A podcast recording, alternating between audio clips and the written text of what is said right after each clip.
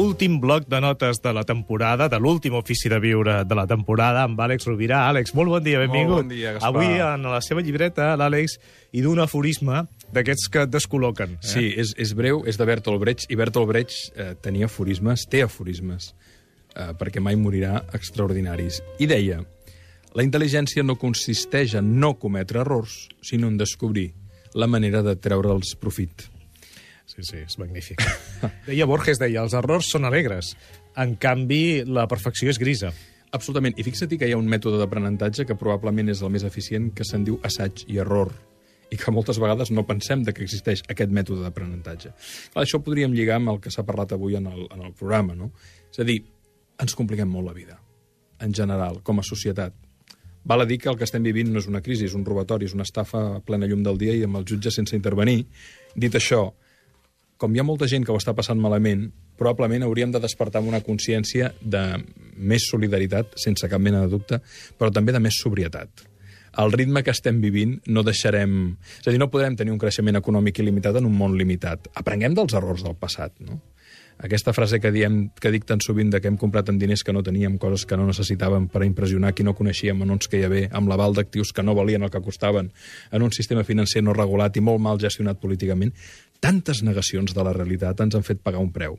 Tant ens costa aprendre dels errors, tant ens costa eh, incloure nous sistemes eh, que ens permetin viure d'una manera més senzilla. Perquè viure, viure no és tan complicat, eh?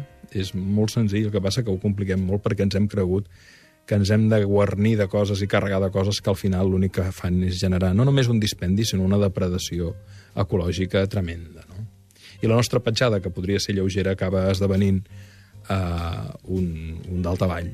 Crec que en l'art, en l'ofici de sobreviure, no només eh, està adreçat a les persones que ho passen malament, és que tots, tots, fins i tot els que tenim feina, i ja no diguem els que tenen poder i guarden els seus calés a paradisos fiscals, haurien de tenir la mínima dignitat i decència i consciència per fer que allò que està allà eh, arribi a la gent que està patint.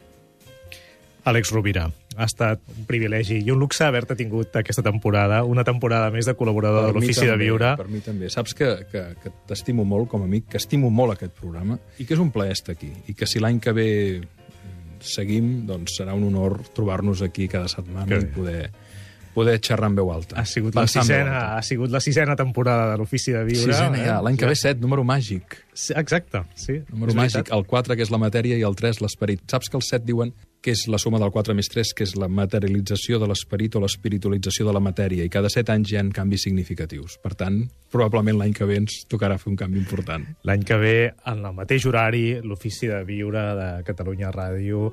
Nosaltres, a l'Ofici de Viure, pagaríem molts diners per tenir l'Àlex Rovira. I vull deixar clar que n'hi paguem molt pocs de diners. Eh? No, i a més, que... és, no, no, i a més és, un, és un plaer, i t'ho he dit moltes vegades, jo vindria de franc perquè és un privilegi poder estar a la Ràdio Nacional de Catalunya i, i contribuir modestament amb, amb la paraula. Àlex, moltes gràcies. Una molt bon abraçada a estiu. tots, molt bon estiu a tots.